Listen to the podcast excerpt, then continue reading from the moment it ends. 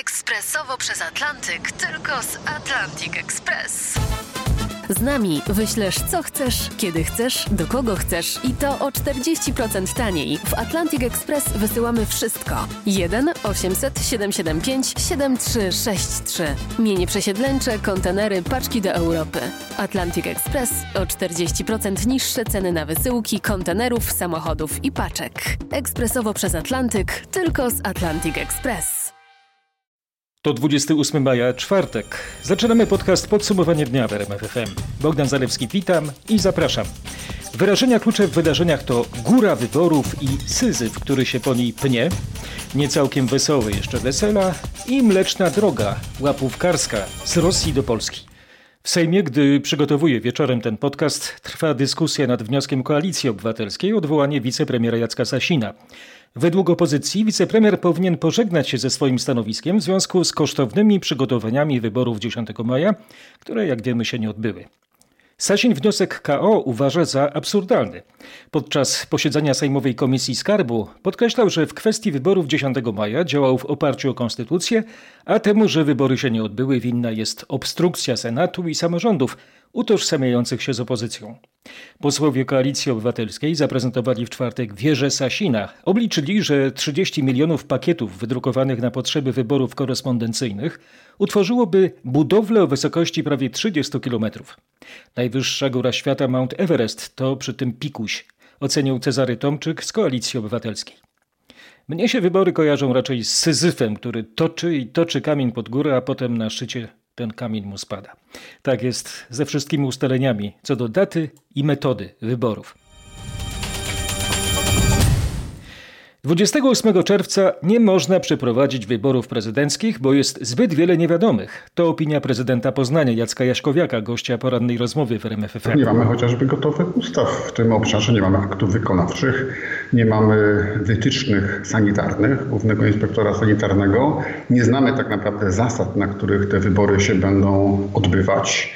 E, jest wiele niewiadomych. Jest w tej chwili pandemia. Co więcej, e, ten e, okres to właśnie okres jeszcze matur i egzaminów w szkołach. Cała rozmowa Roberta Mazurka z prezydentem Poznania Jackiem Jaśkowiakiem jest do posłuchania i obejrzenia na rmf24.pl.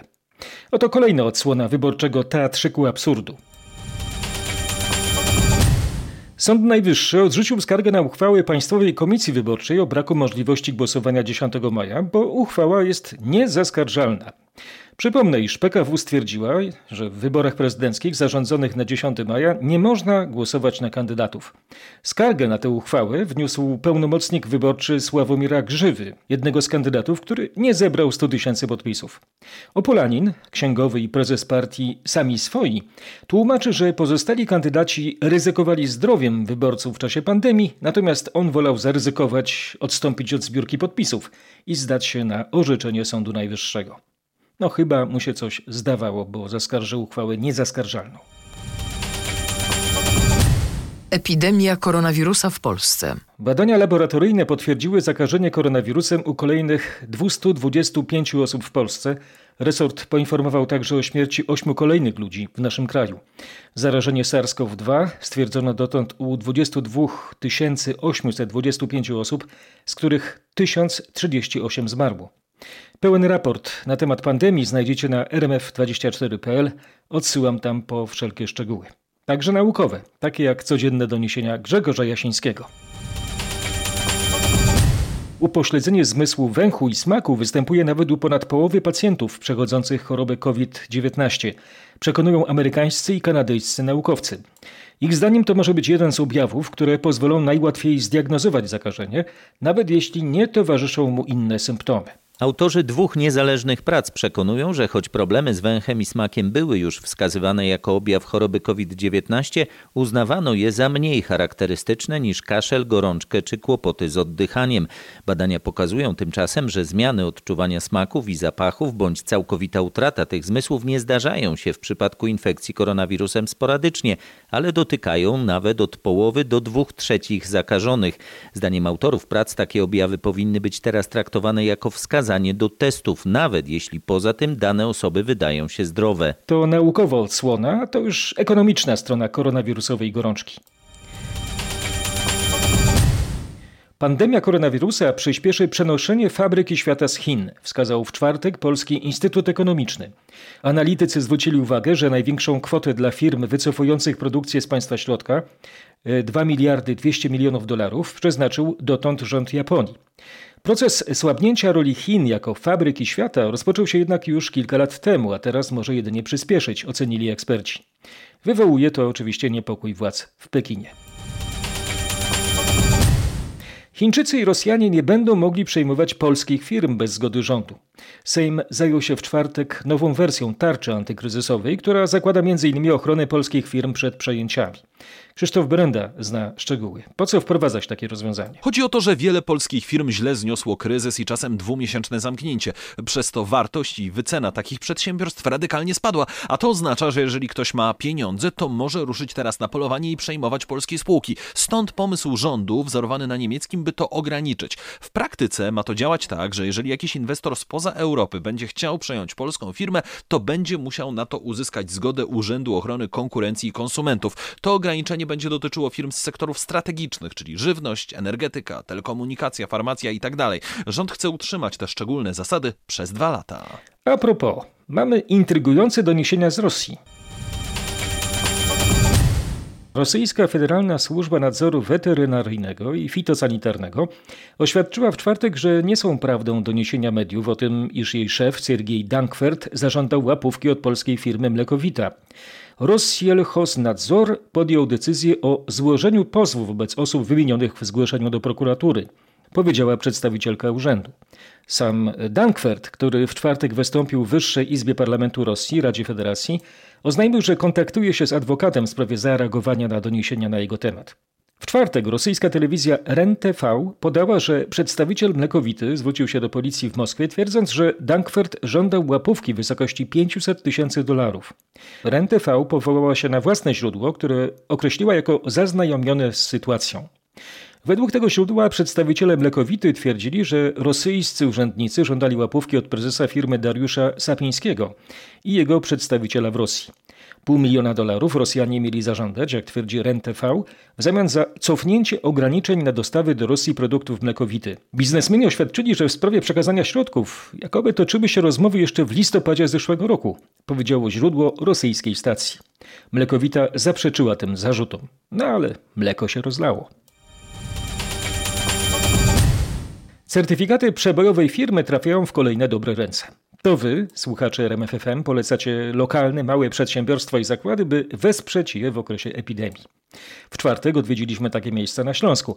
W katowickiej dzielnicy Koszutka pytaliśmy o dobrego zegarmistrza. Zegarmistrz skręci pani w lewo i po prawej stronie tam chce pani znaleźć zegarmistrza. On jest od lata. Stary, dobry mistrz. Wcześniej miałem pracowników, ale teraz w ostatnim okresie, jak trochę więcej jest tej elektroniki, z którą sobie dzięki Bogu też radzę, no to jestem sam. Jest pan tutaj znany w okolicy, to, to chyba cieszy. No bardzo cieszy. Dla pana w takim razie certyfikat przebojowej firmy polecanej przez słuchacze RMFFM. Proszę przyjść znowuż mnie sprawdzić, czy, czy się nie zepsuła moja firma, ale będę się starał, żeby było dobrze. Jak w szwajcarskim, pardon, w polskim zegarku. I niech zawsze będzie dobry czas dla naszych zegarmistrzów. Z panem Krystianem Przybyłą, który ma swój zakład przy Alei Korfantego w Katowicach, rozmawiała Anna Kropaczek. Przypominam, że możecie zgłosić, yy, przypominam, możecie zgłosić do naszej akcji swoje ulubione firmy. Zajrzyjcie na nasze strony w internecie, a tam znajdziecie wszystkie informacje, jak to zrobić. A co można zrobić w takiej sytuacji? Posłuchajcie tylko. Oto jak działa Solidarność Europejska. Solidarność, o której tak dużo się mówi. Zła wiadomość dla Polski nadeszła z Unijnego Trybunału Sprawiedliwości. Jego rzecznik generalny stwierdził, że nie ma podstaw do unieważnienia dyrektywy o delegowaniu pracowników, o co wnioskowały Polska i Węgry. Katarzyna Szymańska-Borginą wyjaśni, co to oznacza dla naszych firm. To zapowiada porażkę Polski, gdyż zazwyczaj sędziowie Unijnego Trybunału uwzględniają opinię rzecznika i wydają takie samo ostateczne orzeczenie. Jeżeli tak się stanie, to ucierpią na tym polskie firmy, na przykład budowlane, które delegują pracowników do pracy w Belgii czy we Francji. Polscy pracownicy, którym trzeba będzie płacić wszystkie dodatki socjalne, staną się po prostu mniej konkurencyjni. Rzecznik Trybunału uważa jednak, że dyrektywa została przyjęta w oparciu o właściwą podstawę prawną, a zmiany w niej wprowadzone dotyczą w szczególności ochrony pracowników, co jest uzasadnione. Dyrektywa o delegowaniu była jednym z głównych postulatów w kampanii wyborczej Emmanuela Macrona. Warto jeszcze posłuchać innego sygnału, który napłynął do nas w czwartek z Brukseli. Polska musiała tłumaczyć się w liście do Komisji Europejskiej ze zmiany unijnych przepisów wprowadzonych w związku z pandemią. Nasze władze wydłużyły do 180 dni obowiązek zwrotu gotówki przez biura turystyczne za odwołane wycieczki. Katarzyna Szymańska-Borginał opowie, na jakim etapie jest ta sprawa. Na razie Komisja Europejska zbiera informacje i dopiero później zdecyduje, czy ewentualnie rozpocznie procedurę o naruszenie unijnego prawa. Zgodnie z unijną dyrektywą, jeżeli podróż została odwołana z powodu nadzwyczajnych okoliczności, a taką jest właśnie pandemia, to klient biura podróży ma prawo do zwrotu gotówki w ciągu 14 dni. Polskie władze wydłużyły jednak ten okres do 180 dni. Polscy dyplomaci przekonują, że inne kraje Unii o wiele bardziej naruszyły unijne prawo, bo położyły przede wszystkim nacisk na to, żeby uratować płynność firm turystycznych, zezwalając, by firmy zamiast gotówki oferowały bony na inną imprezę turystyczną. Według polskich przepisów klient może sam zdecydować, czy chce zwrotu gotówki, czy woli tego typu bon. W takim razie latem ruszymy w kraj i problemu nie będzie. No chyba, że taki. Konieczność zachowania dystansu dwóch metrów także w wodzie podczas kąpieli, a na plażach nawet o dwie trzecie mniej ludzi niż zazwyczaj. Czy tak będą wyglądały najbliższe wakacje nad wodą? Znamy zalecenia Narodowego Instytutu Zdrowia Publicznego, Państwowego Zakładu Higieny dotyczące organizacji kąpielisk w najbliższym sezonie letnim. Mają one oczywiście związek z pandemią SARS-CoV-2.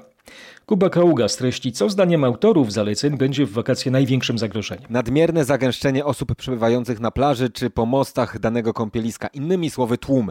Jak można przeczytać w piśmie zawierającym wytyczne, konieczność zachowania dystansu dwóch metrów także w wodzie jest podstawowym warunkiem bezpieczeństwa.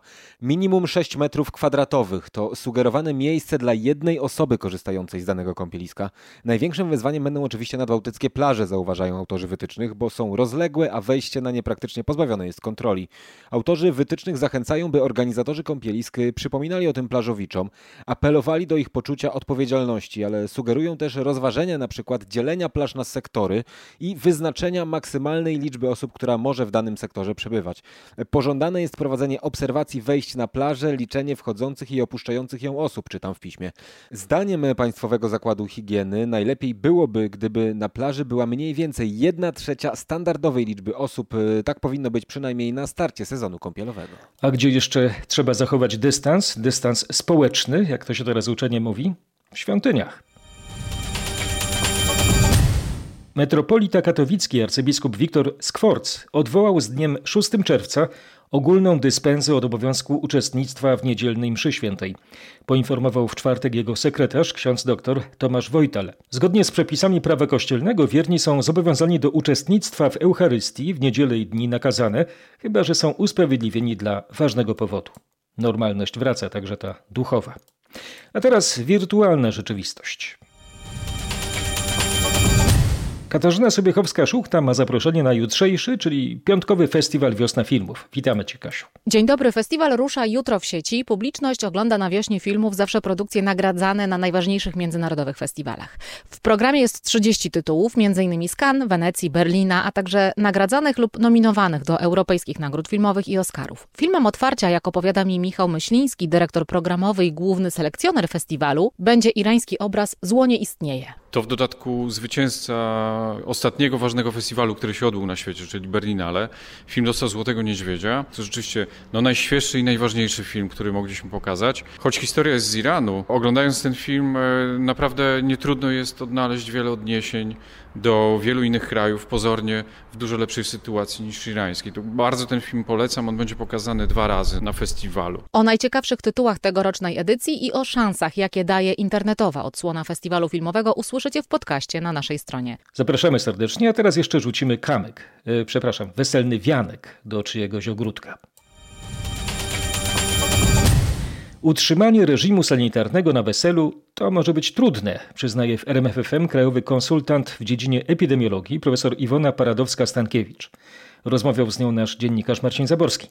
Skąd się wzięła liczba 150 osób, jeśli chodzi o dopuszczalną liczbę gości weselnych? A na taki właśnie limit postawił rząd. Profesor Paradowska-Stankiewicz powiedziała mi, że z nią nikt tej liczby nie konsultował. Przyznała, że nie potrafi odpowiedzieć na pytanie, czy w tym przypadku zdecydowały względy medyczne, sanitarne, czy raczej to, że politycy wsłuchali się w społeczne oczekiwania. Żeby pomieściło się 150 e, osób, to też musi być odpowiednia sala, prawda? Prawda, choć oczywiście niezależnie od wielkości sali, stosowanie sanitarnych wskazówek związanych z koronawirusem z każdą godziną weselnego biesiadowania może być trudniejsze. Trzeba być czujnym na weselu że strawestuje Stanisława Wyspiańskiego.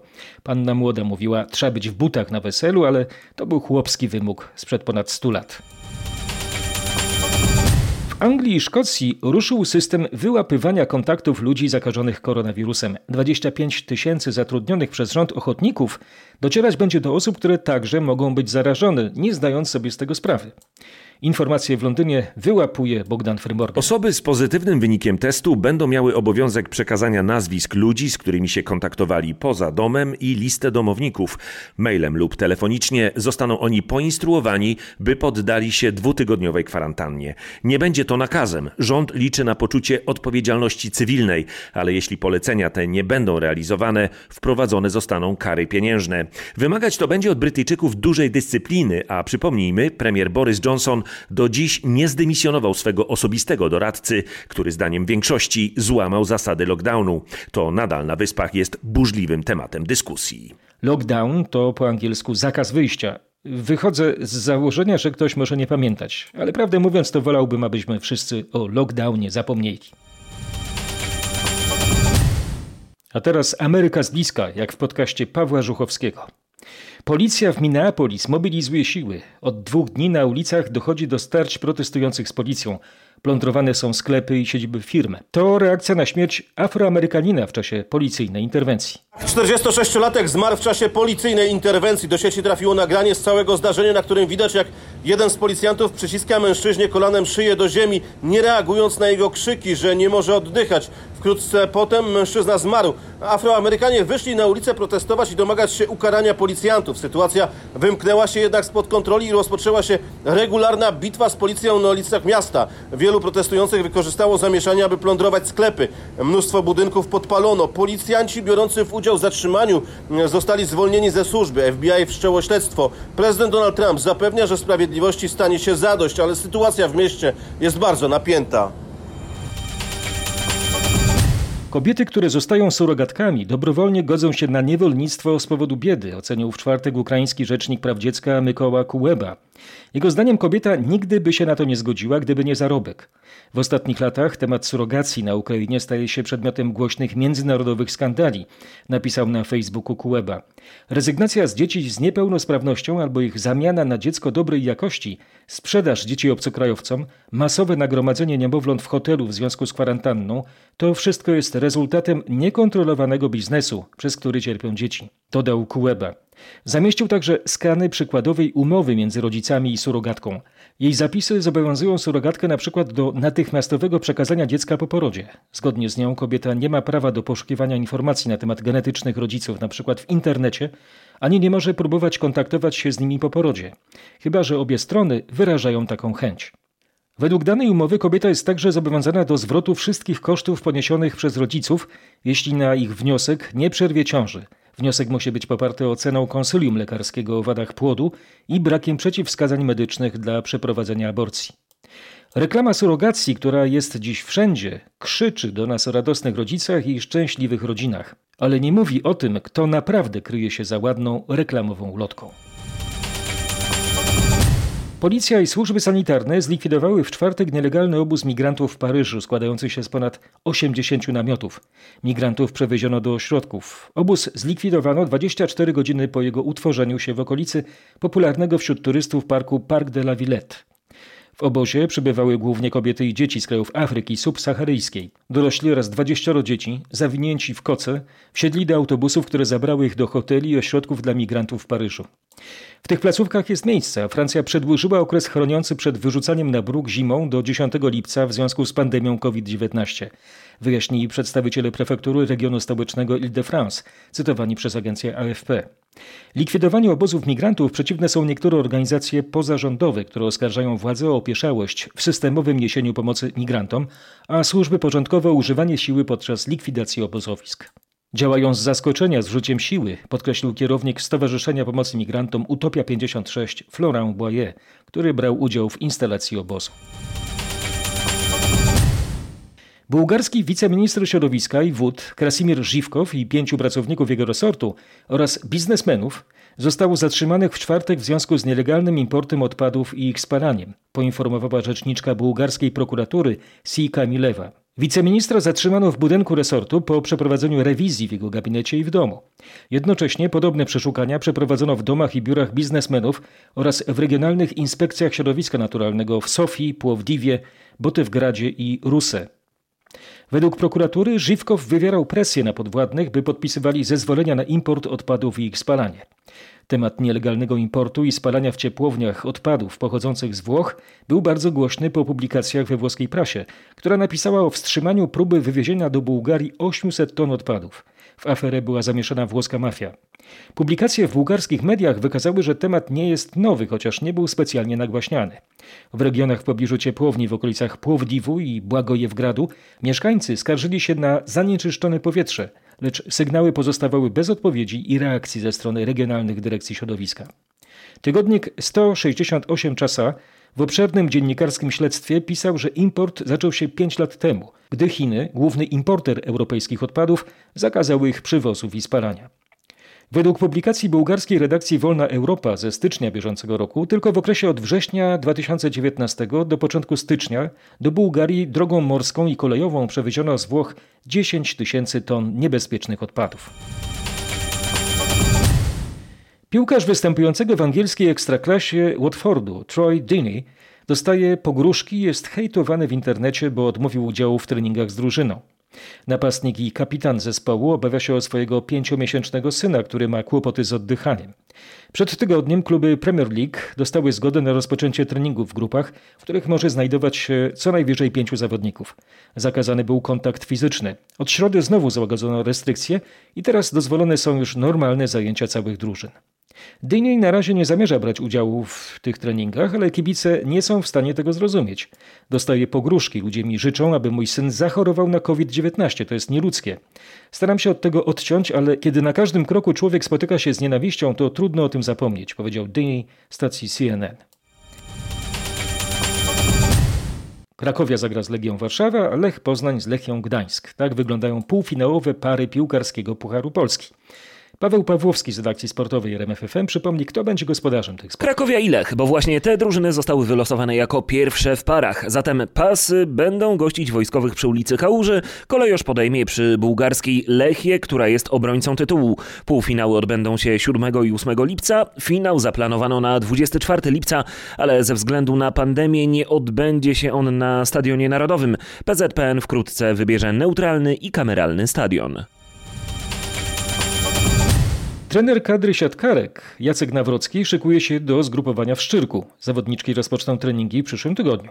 Patryk Serwański z redakcji sportowej RMFFM dowiedział się, jakie plany ma polska ekipa. W tym roku kadra nie ma poważnych wyzwań. To szansa, by dać odpocząć liderkom drużyny i by sprawdzić, kto niebawem może w reprezentacji odgrywać większą rolę. Jest to świetna okazja do tego, żeby próbować popracować z zawodniczkami, które cały czas są w kręgu naszych zainteresowań, ale nie do końca mogliśmy do tej pory dać im tych kluczowych ról. Tłumaczy trener Nawrocki. Warto przypomnieć, jakie postępy zrobiła przed rokiem Magdalena Stysiak. Może teraz swoją szansę wykorzysta inna siatkarka. Rozmowę z trenerem kadry siatkarek Jackiem Nawrockim znajdziecie na rmf24.pl. A na koniec inna dyscyplina sportowa. Rolkarstwo policyjne na czas. Pościg za sylwetką uciekającego złodzieja. Policjant ze Świebodzina w Lubuskiem w czasie wolnym od służby zatrzymał poszukiwanego. Dokonał tego jadąc na rolkach. Ujęty przez niego 29-latek ma do odbycia karę pół roku więzienia. A to było tak. Sierżant Kamil Biernacki, wracając do domu po przejażdżce na rolkach, zauważył, jak do jednego z marketów w Świebodzinie wchodzi poszukiwany mężczyzna. Zatrzymał się w pobliżu wejścia i powiadomił dyżurnego swojej komendy. Wychodząc ze sklepu, poszukiwany 29-latek zauważył nadjeżdżający patrol i rzucił się do ucieczki. Policjanci ruszyli w pościg, a wraz z nimi na rolkach Kamil. To on okazał się najszybszy, dogonił i obezwładnił uciekającego mężczyznę. Ten chwilę później w kajdankach znalazł się w radiowozie. Sierżant Biernacki pełni służbę od trzech lat, od początku w Świebodzinie. Obecnie jest funkcjonariuszem ogniwa patrolowo-interwencyjnego tamtejszej komendy powiatowej. Jak się nazywa taki policjant na patrolu? Proponuje patrolkarz. Ale może wy macie lepsze pomysły. Zawsze możecie napisać na bogdan.zalewski.rmf.fm. To nie jest moje nazwisko, to jest adres mojej skrzynki. Mówię to mając w pamięci, jak miliarder Elon Musk ze swoją żoną, artystką Grimes, nazwali swojego synka. Najpierw X, takie podwójne AE, A12. To AE to jest takie połączenie, tworzy dwuznak, tak zwaną ligaturę. Amerykanie wymawiają to jako dash, więc byłoby X dash A12. Państwo Musk y, mieli jednak prawne problemy, więc zmienili imię chłopczyka. Y, będzie nazywał się X AE A kreska X i I. Dwa małe i. Grimes stwierdziła, że teraz wygląda to o wiele lepiej. Tak. Jak to wygląda?